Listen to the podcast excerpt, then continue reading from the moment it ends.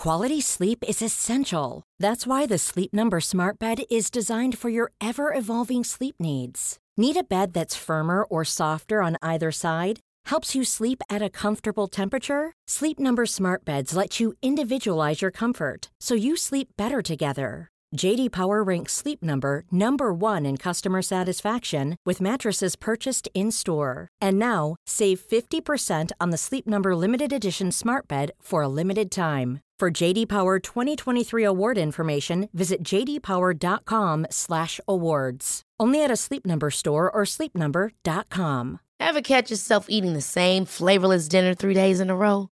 Dreaming of something better? Well, HelloFresh is your guilt-free dream come true, baby. It's me, Kiki Palmer. Let's wake up those taste buds with hot, juicy pecan-crusted chicken or garlic butter shrimp scampi. Mm. Hello Fresh.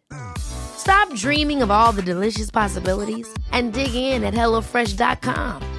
Let's get this dinner party started. Mom deserves the best, and there's no better place to shop for Mother's Day than Whole Foods Market. They're your destination for unbeatable savings, from premium gifts to show-stopping flowers and irresistible desserts. Start by saving 33% with Prime on all body care and candles. Then get a 15-stem bunch of tulips for just $9.99 each with Prime. Round out Mom's menu with festive rosé, irresistible berry chantilly cake, and more special treats. Come celebrate Mother's Day at Whole Foods Market. I can discuss some of the psychological aspects of the case. You've got to get a hold of yourself. Now look here, Johnson, I'm going to get to the bottom of this. I can discuss some of the psychological aspects of the case. And you're really crazy, you know that? Oh, yes, I remember that. Is this any concern of yours? Stop, stop, stop it now. I mean it. Ja, hei, det er psykolog Sondre Livre her. Diagnosen er dessverre svært alvorlig. Det viser seg at alt du tenker og føler er feil. Du må for all del ikke stole på hjernen din, den lyver. Alt du opplever er filtrert via nevroser fra ubevisste avkroker. Hvis du følger nøye med, er det en liten mulighet for at jeg kan hjelpe deg. I can some of the I can some of the I can some of the psychological aspects of the case. Well, I'm just losing my mind, that's all. Du må ikke tro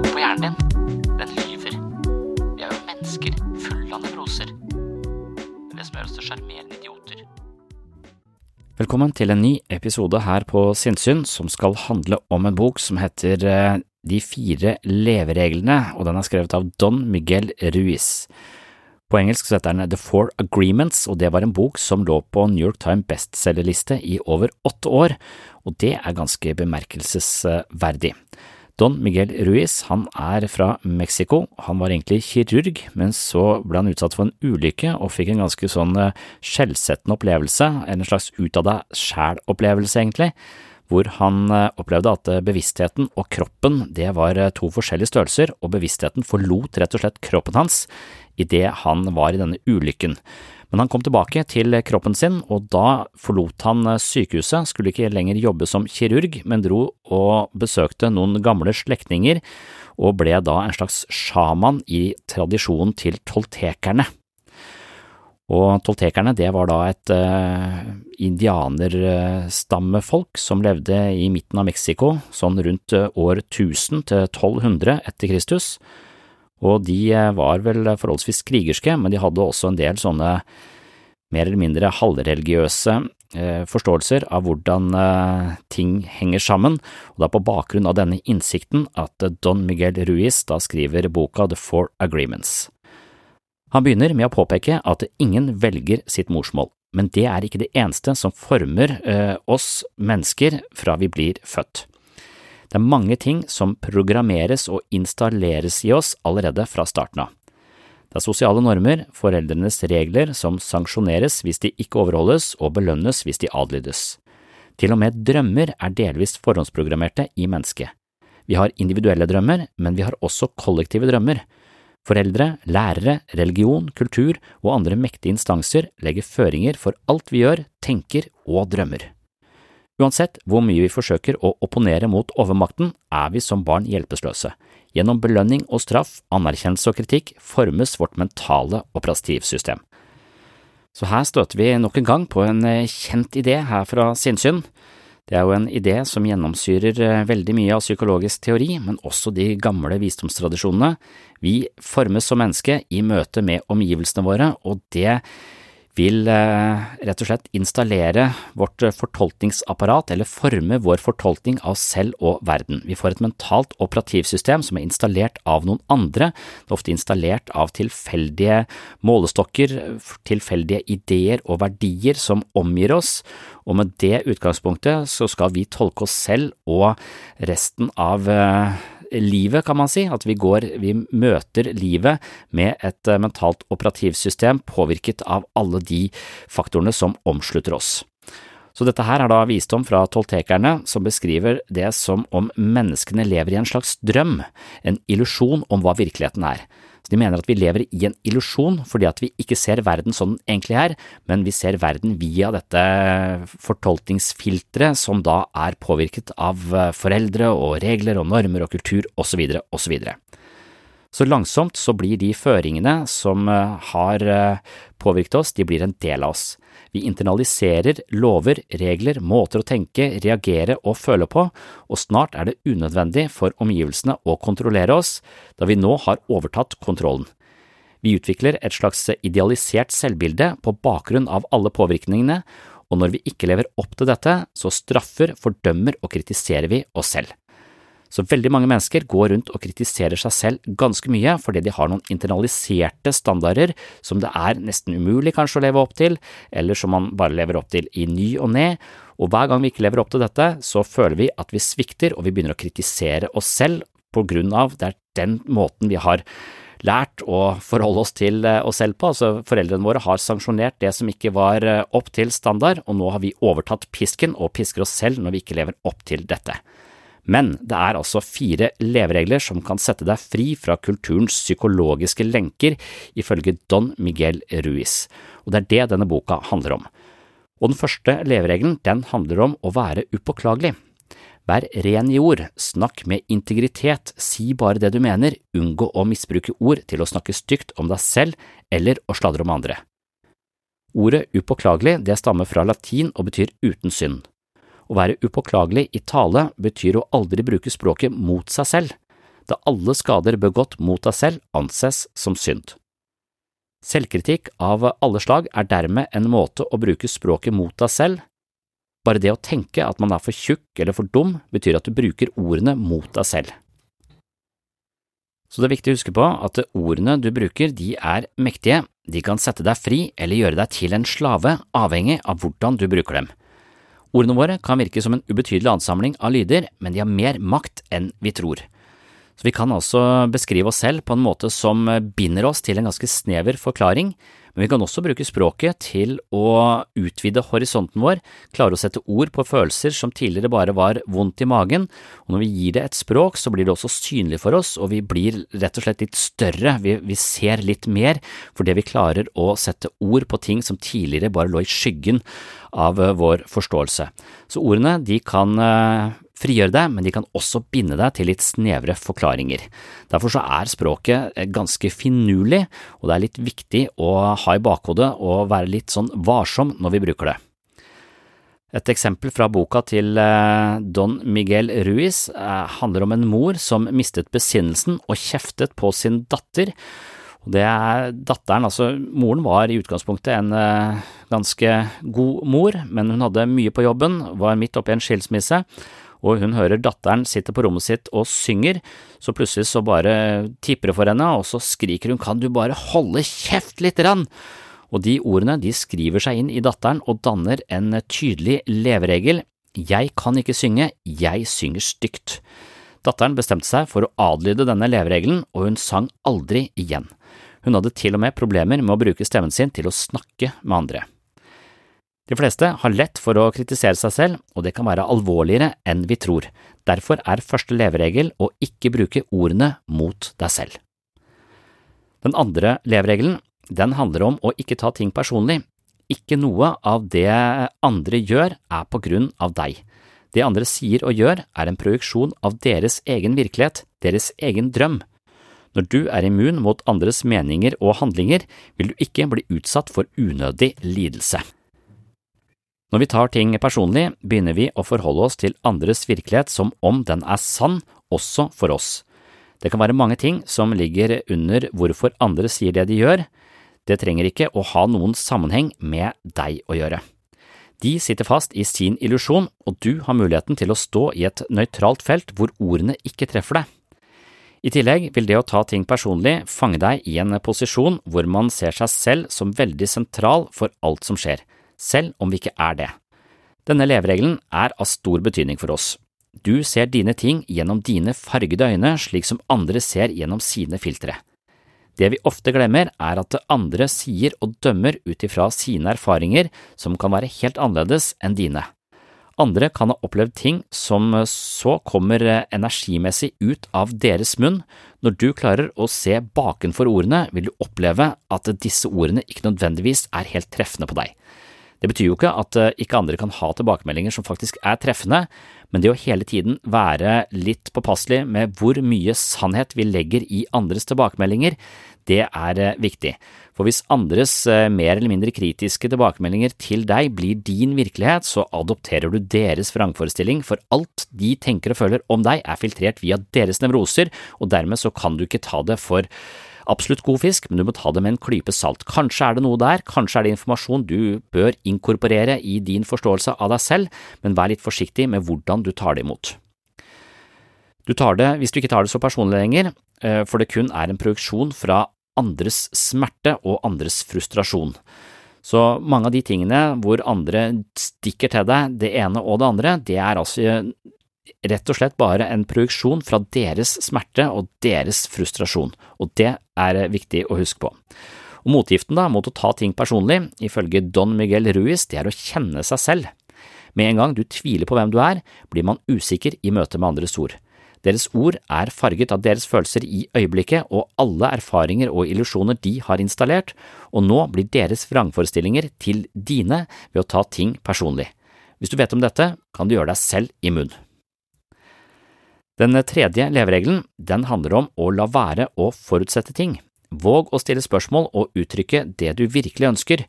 Kommuniser med andre så klart du kan for å unngå misforståelser. Denne ene leveregelen er nok til at du kan omskape hele ditt liv. Har du noen gang antatt at en relasjon er ustabil fordi en du kjenner ikke sa hei? Kommunikasjon er komplisert for de fleste av oss. Vi er lett for å trekke slutninger ut ifra våre egne erfaringer som kan være helt annerledes enn den du snakker med. I stedet for å våge å stille spørsmål, begynner du å lage en film i ditt eget hode om hvorfor og hvordan ting ble sagt og hvorfor de ble sagt på denne måten. I denne filmen kommer mange scenarioer opp i ditt eller mitt indre, og vi er da i gang med å virre oss inn i en destruktiv måte å tenke på og vurdere på, og til slutt så tenker vi kanskje at det var vår feil, vi dreit oss ut, og det trenger ikke ha noe med den aktuelle situasjonen å gjøre, men etter hvert som vi da spinner oss inn i dette scenarioet hvor vi egentlig ikke stiller et åpent spørsmål hva mente du med det, eller prøver å skape klarhet ved å stille spørsmål, så lager vi våre egne fortolkninger, og da altså hopper vi til konklusjoner, og det er Tredje leveregler, unngå å være forutinntatt, unngå å konkludere for raskt, men still heller modige spørsmål. Når du er forutinntatt med hensyn til andre og deg selv, setter du opp forventninger som du selv kan svikte eller andre ikke kan leve opp til. Det fører til skuffelser og selvkritikk som igjen gjør vold mot den første leveregelen, ikke bruk ordene mot deg selv. Medisinen mot å være forutinntatt eller konkludere for raskt, det er å stille modige spørsmål. Gjennom åpne spørsmål kommer du nærmere sannheten, og det demper behovet for å hvile i fordommer. Den fjerde leveregelen, og nå oppsummerer jeg de bare sånn veldig kort, det er veldig mange ting man burde sagt om dette, det er ikke nødvendigvis leveregler man bør ja, akseptere helt ukritisk, det har noen implikasjoner som man bør tenke over, og det skal jeg også forsøke å gjøre litt senere i episoden. Men den fjerde og siste leveregelen, den handler om at du alltid skal gjøre ditt beste. Ditt beste vil forandre seg fra øyeblikk til øyeblikk, det vil være annerledes når du er frisk enn når du er syk. Gjør ditt beste under alle omstendigheter, så vil du unngå å dømme deg selv og angre. Både foreldre og lærere har kanskje oppfordret deg til å gjøre ditt beste. Jeg oppfordrer barna mine til å gjøre sitt beste, og jeg har vel hørt det rådet selv også, og det er nok et ganske godt råd. Men hva som er vårt beste, det er eh, litt viktig å vurdere litt eh, nøye. For vårt beste, det kan jo endre seg fra år til år, fra morgen til kveld, fra årstid til årstid. Det er også avhengig av helse, blodsukker, dagsform og tusenvis av andre faktorer. Derfor er ikke vårt beste en statisk størrelse, det er i stadig forandring. Hvis du prøver å gjøre noe som ligger utenfor ditt beste, men som kanskje var mulig ved en annen anledning, kan du bli utmatta. Og det tror jeg er et ganske viktig poeng. Altså, hvis vårt beste er en eller annen målestokk som vi har adoptert fra andre, eller eller annet, en eller annen standard som er altfor høy, så vil vi aldri nå opp til det vi anser som vårt beste. Og noen ganger så har vi prestert ganske bra i en periode, og da anser vi kanskje det for å være vårt beste, men i en annen periode så har vi kanskje ikke de samme forutsetningene, og hvis vi da måler oss opp mot vårt beste på et tidligere tidspunkt, så vil vi igjen komme til å føle oss utilstrekkelige og utmatta og prøve å dra strikken for langt. Så det å hele tiden vurdere hva som er mitt beste i den pågjeldende situasjonen, hva er status presens, hvor mye har jeg sovet, hvor høyt er blodsukkeret, eller hvor lavt er blodsukkeret, hva, hva slags humør har jeg nå, osv., osv. Det å gjøre et realistisk estimat av hva som er mitt beste, det er viktig hvis man skal følge denne leveregelen gjør ditt beste. Hvis du begynner å følge denne leveregelen gjør ditt beste, og du har ubønnhørlig høye standarder installert av kulturelle idealer, så vil dette med å gjøre ditt beste bare gjøre deg totalt utmatta og kronisk sliten. Så det er viktig å vite at ditt beste er en flukturerende størrelse som forandrer seg fra øyeblikk til øyeblikk, og derfor må du igjen kjenne deg selv for å vite hva som er ditt beste i den pågjeldende situasjonen. Ever catch yourself eating the same flavorless dinner three days in a row? Dreaming of something better? Well, HelloFresh is your guilt-free dream come true, baby. It's me, Gigi Palmer. Let's wake up those taste buds with hot, juicy pecan-crusted chicken or garlic butter shrimp scampi. Mm. Hello Fresh. Stop dreaming of all the delicious possibilities and dig in at HelloFresh.com. Let's get this dinner party started.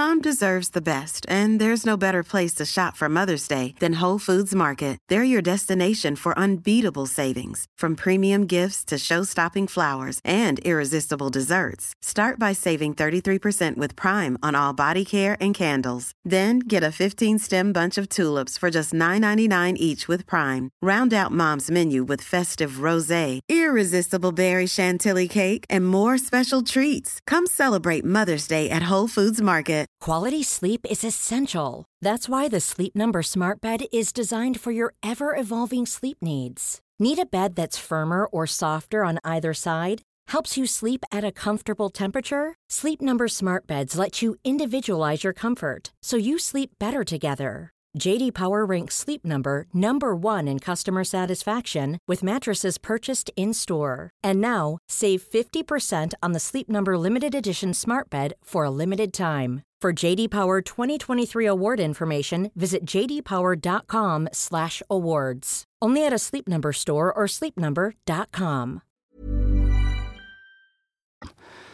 Hvis du brenner deg selv ut, vil du ikke oppnå særlig gode resultater, og hvis du gjør mindre enn ditt beste, så er du også sårbar for selvkritikk, skyldfølelse og frustrasjon. Så gjør ditt beste, og gjør det for deg selv. Ikke gjør det for ytre motivasjon, men på vegne av deg selv og din egen integritet. Og det er også viktig, hvor kommer motivasjonen vår fra? Hvis motivasjonen min hele tiden er for ytre belønninger eller ting som foregår i det ytre, så vil ofte motivasjonen svinne ganske raskt. Men hvis jeg gjør ting for min egen del, altså hvis den kommer innenfra, så er den mye mer varig og solid. Og det har jeg jo laget en egen episode om, men la oss si du går tur i skogen og føler at det er en måte å restituere på, og du kommer i kontakt med naturen og synes det er flott, så er det en fin ting, da kommer motivasjonen innenfra. Men hvis du plutselig kjøper deg en Apple Watch eller en Fitbit og begynner å telle skritt isteden, så risikerer du å flytte motivasjonen fra innsiden til utsiden, og det kan være motiverende en liten periode, kanskje går du litt mer for å tjene flere skritt i en periode, men etter hvert så vil gleden ved skogen avta og motivasjonen din vil avta fordi du har outsourca den til Apple Watchen, og det er en uting. Så gjør ditt beste, og gjør det for deg selv, ikke gjør det for ytre motivasjon, men på vegne av deg selv og din egen integritet. Og det var de fire levereglene til Don Miguel Ruiz. Nå skal du få et utdrag fra et foredrag hvor jeg snakker mer om denne berømte selvhjelpsboka The Four Agreements. Jeg lurer på den der, Er det noen som har lest den boka uh, The Four Agreements, som lå på New York Times bestselgerlista i åtte år eh, i, strekk? For Den snakker litt om det her. Det, og Jeg husker jeg leste den for mange år siden, men det var den jeg tenkte på når vi skulle ha dette temaet med mentalt operativsystem. For Det kaster litt lys over det du egentlig sier. Det er også det å være programmert eller ikke programmert. Det å si det finnes en tilstand hvor du ikke er programmert, hvor du er mye, bare, mye mer rett fram, og at det kanskje er tryggere for noen å forholde seg til. For andre så ville det være utrygt, fordi de nettopp får en slags forutsigbarhet i de sosiale konvensjonene som regulerer samspillet, sånn at jeg veit hva den andre kommer til å si sånn cirka. Sånn tar meg ikke helt på senga, liksom, med å si noe, å si noe vilt. Så, så, for noen er det trygt, og for andre så er det, er det utrygt. Men det, det, er en fyr som heter Don Miguel Ruiz fra Mexico, som mener at han er en uh, tolteker. Vil si at han, han er en sånn arverekke etter folk som, uh, som var toltekere, som er sånn indianerfolk som levde sånn det, på 1000-tallet ca. etter Kristus. Og, og, det er litt rart at det, Eller det er sånn, nesten alle sånne selvhjelpsbøker. Noen av de har sånne referanser til sånne eldgamle urbefolkninger som, som hadde veldig masse sånne eh, flotte ting å si om det som er å menneske. Og de var så sofistikerte på 1000-tallet. Så det han får ut av det de sier da, det er fire leveregler. Men så viser det seg jo at de, de folka der drev jo egentlig og var veldig krigerske og voldtok og var litt sånn vikingaktige. Så hvor sofistikerte de egentlig var, om man liksom legger litt eh, han, han, har en veldig forfin, eh, forfinet fortolkning av disse toltekerne. Men eh, for han selv, han var først eh, kirurg, og så eh, gikk han på en kjempe Han var ute for en ulykke. Og da som han holdt på å dø, og så opplevde han en ut av deg selv-opplevelse. Ut av deg sjæl-opplevelse på gulvet, eller i, i denne ulykken. Og, og da uh, gikk det opp for han at uh, bevisstheten eksisterer utenfor materien. Så han følte at han var bare bevissthet mens kroppen uh, var død. Så han fikk jo den slags dualistisk opplevelse av at og, og, da er det jo lett å bli ganske spirituell, for da tenker du at oi, det er sjelen som skal et annet, annet sted. Så ut av deg sjæl-opplevelser det borger ofte for et eh, kristent eh, eller et eller annet spirituelt operativsystem. Da. Ikke kristent eh, for hans del. Så da reiste han til en gammel tante eller bestemor eller noe sånt noe, for å bli nuguru, som egentlig er da sjaman. Og som sjaman, så når han blir trent opp som sjaman, så skriver han denne boka The Four Agreements, som da er en av de mest solgte i selvhjelpssjangeren ever. det er interessant hvordan det men, men, det er litt det samme som sier nå. for Toltekerne, de, sånn han øh, mener da i disse boka som heter 'Fire leveregler' på norsk, så mener han at alle mennesker lever i en uh, drøm. Uh, og det, det, er ikke sånn Nick Bostrom vi lever i en simulering-aktig, men det er bare det at vi er så programmert av sosiale normer, foreldrenes regler og sanksjoner som må overholdes. Og hvis vi ikke overholder de, så blir vi straffa. Hvis vi overholder de, så blir vi belønna. Så vi er rett og slett eh, hele, hele første del av livet handler om å bli programmert av omgivelsene våre. Så selv drømmene våre er installert i oss, mener de, altså når vi drømmer om natta. De mener at vi lever i en slags illusjon, for, virkeligheten vår er skrudd sammen av alle disse føringene fra andre, fra andre folk. Og, og, og det, går bare inn på å fortelle oss hvordan vi skal se virkeligheten, hvordan vi skal oppfatte, oppfatte ting, og sånn blir vi eh, programmert. Men selv, eh, selv, drømmene våre Vi har noen mener de individuelle drømmer, men vi har også kollektive drømmer som er generelle for menneskeheten, som også er installert i oss fra kulturen. Så kulturen har sine drømmer som vi også drømmer. Så vi er liksom gjennomsyra av det der sånn. Og uansett, da, som barn, du prøver å opponere mot overmakten, så er barn hjelpeløst. Eh, og da gjennom en sånn type belønning og straff, eh, anerkjennelse eller kritikk, så formes da vårt mentale operativsystem. Så det er en annen måte å tenke operativsystemet på etter hvert da så blir det unødvendig for omgivelsene. altså det å, det å, danne som mennesker, det er å bli kontrollert og programmert. Og etter hvert så har vi programmert barna våre såpass godt at vi kan bare slippe taket. For nå, den, nå overtas den programmeringa av barnet selv. Barnet er programmert, så vi trenger ikke å drive og kontrollere de lenger, fordi de kontrollerer seg sjøl ut ifra det som er. Og da har det blitt en, en slags sosial robot. da. Og da mener de også at vi har fått et sånn type idealisert selvbilde på bakgrunn av alle disse påvirkningene hvordan vi burde være. Og når vi ikke lever opp til det, så begynner vi å straffe oss selv, vi fordømmer oss selv, og vi kritiserer oss selv. Og det er da livet. Det er denne evige fordømmelsen og følelsen av ikke leve opp til alle de programmeringene vi, eh, vi har fått. da. Dette er liksom egentlig bare superego til Freud igjen. ja. At det, det ligner helt klart superego eh, til Freud. Det som er med disse toltekerne, at de hadde fire leveregler. Så hvis du fulgte de, så, så kunne du liksom eh, komme litt utenom dette her, da, eller bli et mer oppriktig menneske. Det er litt det du, du snakker om, og det er kanskje litt det vi også ønsker å, å, å opptre som en eh, Eller det er vel det Freud, eh, Freud også sier, at vi må, vi må, oppdage hvordan alle ideene og følelsene våre er liksom forhåndsprogrammerte. Og hvordan de også, forhåndsprogrammeringa vår tar vi med oss inn i nye situasjoner og fortolker de situasjonene ut fra vår virkelighet. Det er denne vår virkelighet som vi tror så fullt og fast på, som da danner mange av problemene våre. Så den første eh, leveregelen som eh, han, eh, Don Miguel Ruiz eh, beskriver, er vær ren i ord. Snakk med integritet. Si bare det du mener. Unngå å misbruke ord til å snakke stygt om deg selv eller å sladre om andre. Og så Egentlig så er leveregelen å være upåklagelig, som stammer fra uten synd. Å være upåklagelig i talen, det betyr å aldri bruke språket mot seg selv. Da all skade begått mot deg selv anses som synd i denne kulturen. Så de anser det å ja, altså Selvkritikk blir da en måte å bruke språket mot seg selv på. Bare det å tenke at man er for tjukk eller for dum, betyr liksom å bruke ordene mot seg selv. Så er veldig, de er veldig opptatt av at uh, disse orda er liksom veldig sånn magiske. Og de binder liksom virkeligheten på en veldig sånn uh, dramatisk måte. da. Så ord, det kan jo liksom sette deg fri. Så hvis vi klarer å finne ord og forståelser som vi ikke hadde fra før, så kaster det liksom lys over uh, ting vi ikke har sett. Og hvis vi ikke kan gi det et språk eller et uttrykk, kunst Hvis vi ikke kan gi det et uttrykk, så synes det ikke for oss, og da, da, da eksisterer det til en viss grad heller ikke. da. Samtidig som ord kan settes på en sånn måte at det binder oss til en virkelighetsforståelse som er feil. Så, så vi skal være veldig forsiktige med, med orda. Så bare et eksempel i den boka som jeg husker, sånn, som jeg tenkte at han, han, beskriver en mor som egentlig fungerer ganske greit, men så plutselig så har hun en masse stress i, på jobb, og, og hun er en skilsmisse osv. Og, så og så, og så mister hun besinnelsen overfor dattera, som, som, er opptatt av å synge. Så dattera står og synger, så, som skriker hun Kan ikke du bare holde kjeft? Jeg er så jævlig lei av å høre det der gnålet ditt.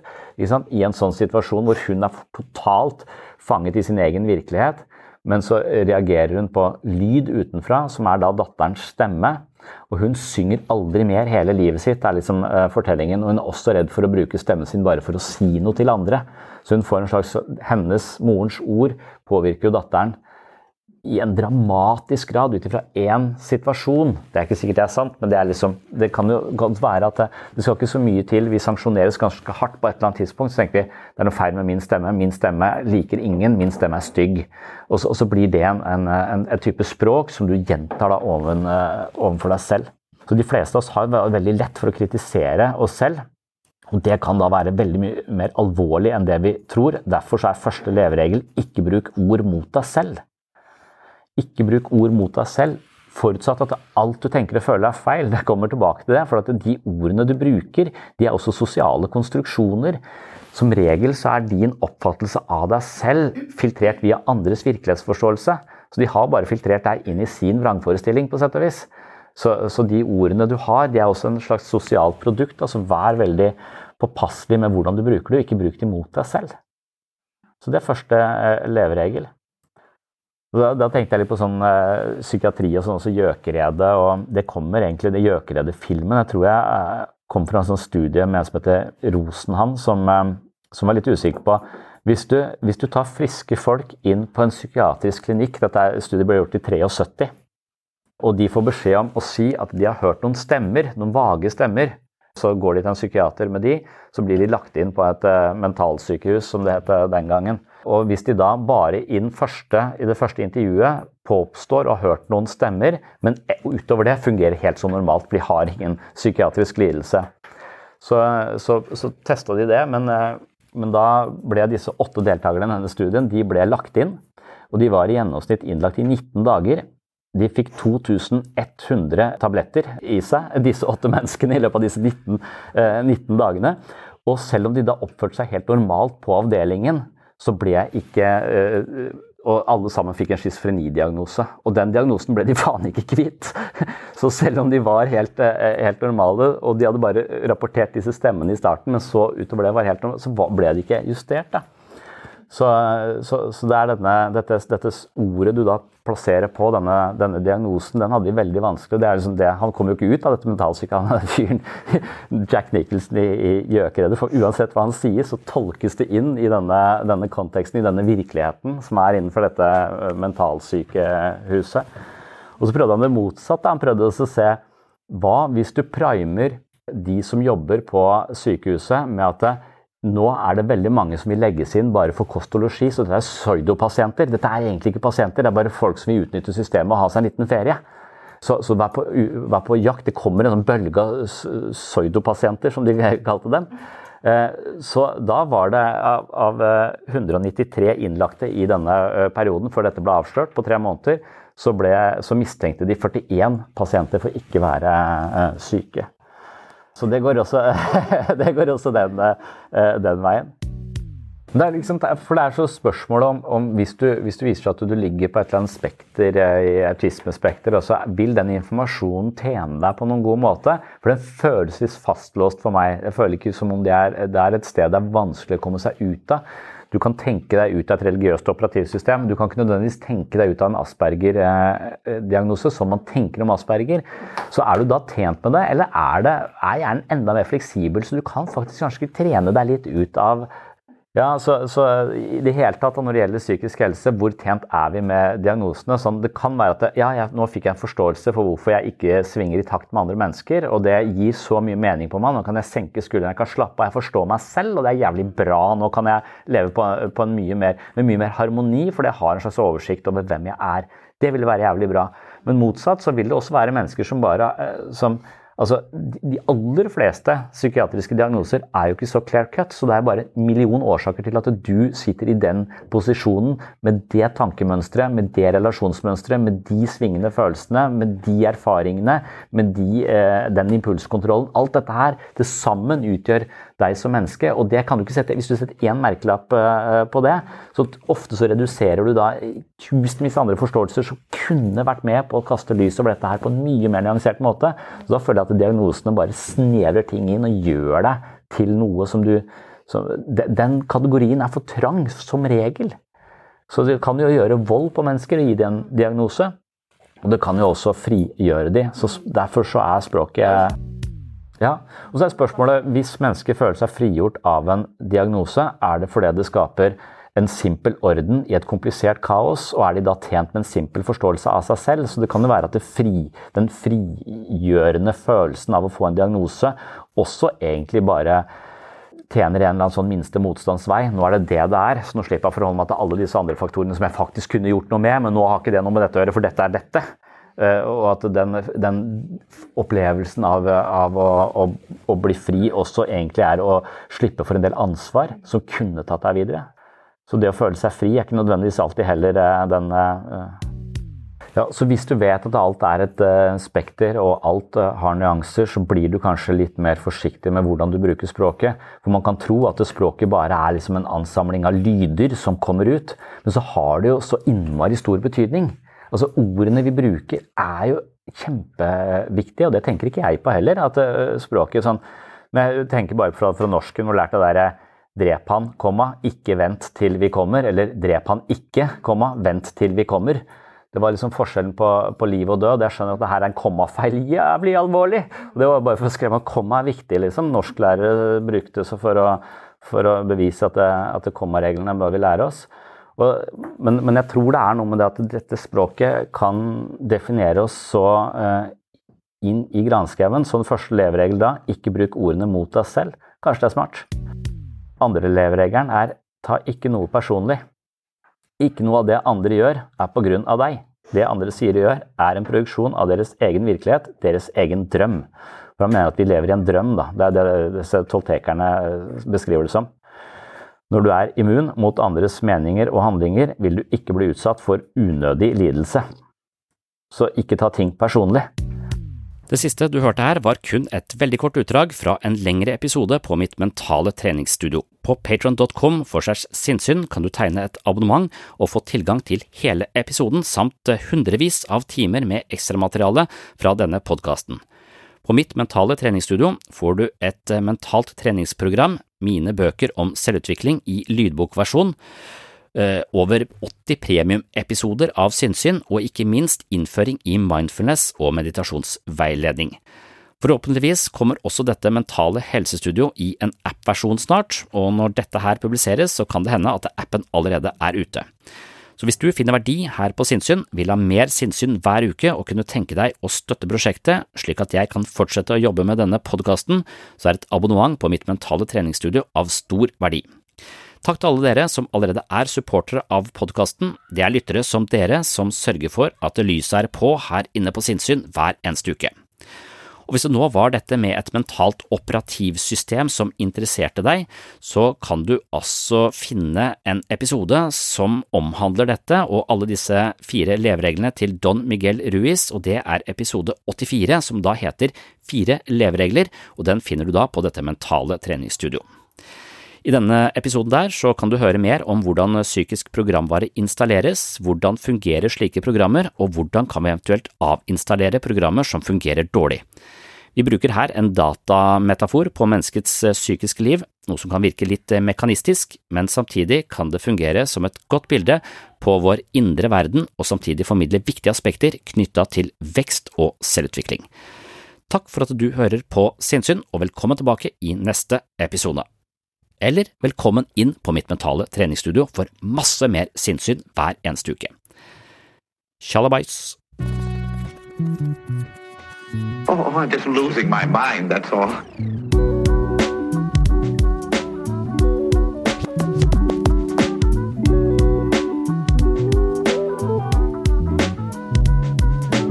I can discuss some of the I can discuss some of the I can discuss some of the psychological aspects of the case. Psycho, psycho, psychological aspects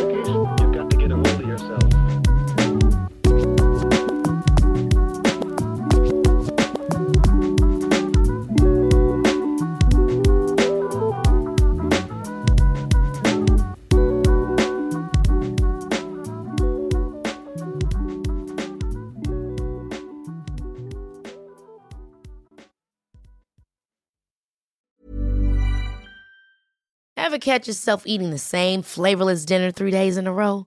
Dreaming of something better? Well, HelloFresh is your guilt-free dream come true, baby. It's me, Kiki Palmer. Let's wake up those taste buds with hot, juicy pecan-crusted chicken or garlic butter shrimp scampi. Mm. Hello Fresh. Stop dreaming of all the delicious possibilities and dig in at HelloFresh.com. Let's get this dinner party started. Mom deserves the best, and there's no better place to shop for Mother's Day than Whole Foods Market. They're your destination for unbeatable savings, from premium gifts to show-stopping flowers and irresistible desserts. Start by saving 33% with Prime on all body care and candles. Then get a 15-stem bunch of tulips for just $9.99 each with Prime. Round out Mom's menu with festive rosé, irresistible berry chantilly cake, and more special treats. Come celebrate Mother's Day at Whole Foods Market. Planning for your next trip? Elevate your travel style with Quince. Quince has all the jet setting essentials you'll want for your next getaway, like European linen, premium luggage options, buttery soft Italian leather bags, and so much more. And is all priced at 50 to 80% less than similar brands. Plus, Quince only works with factories that use safe and ethical manufacturing practices. Pack your bags with high-quality essentials you'll be wearing for vacations to come with Quince. Go to quince.com/pack for free shipping and 365-day returns.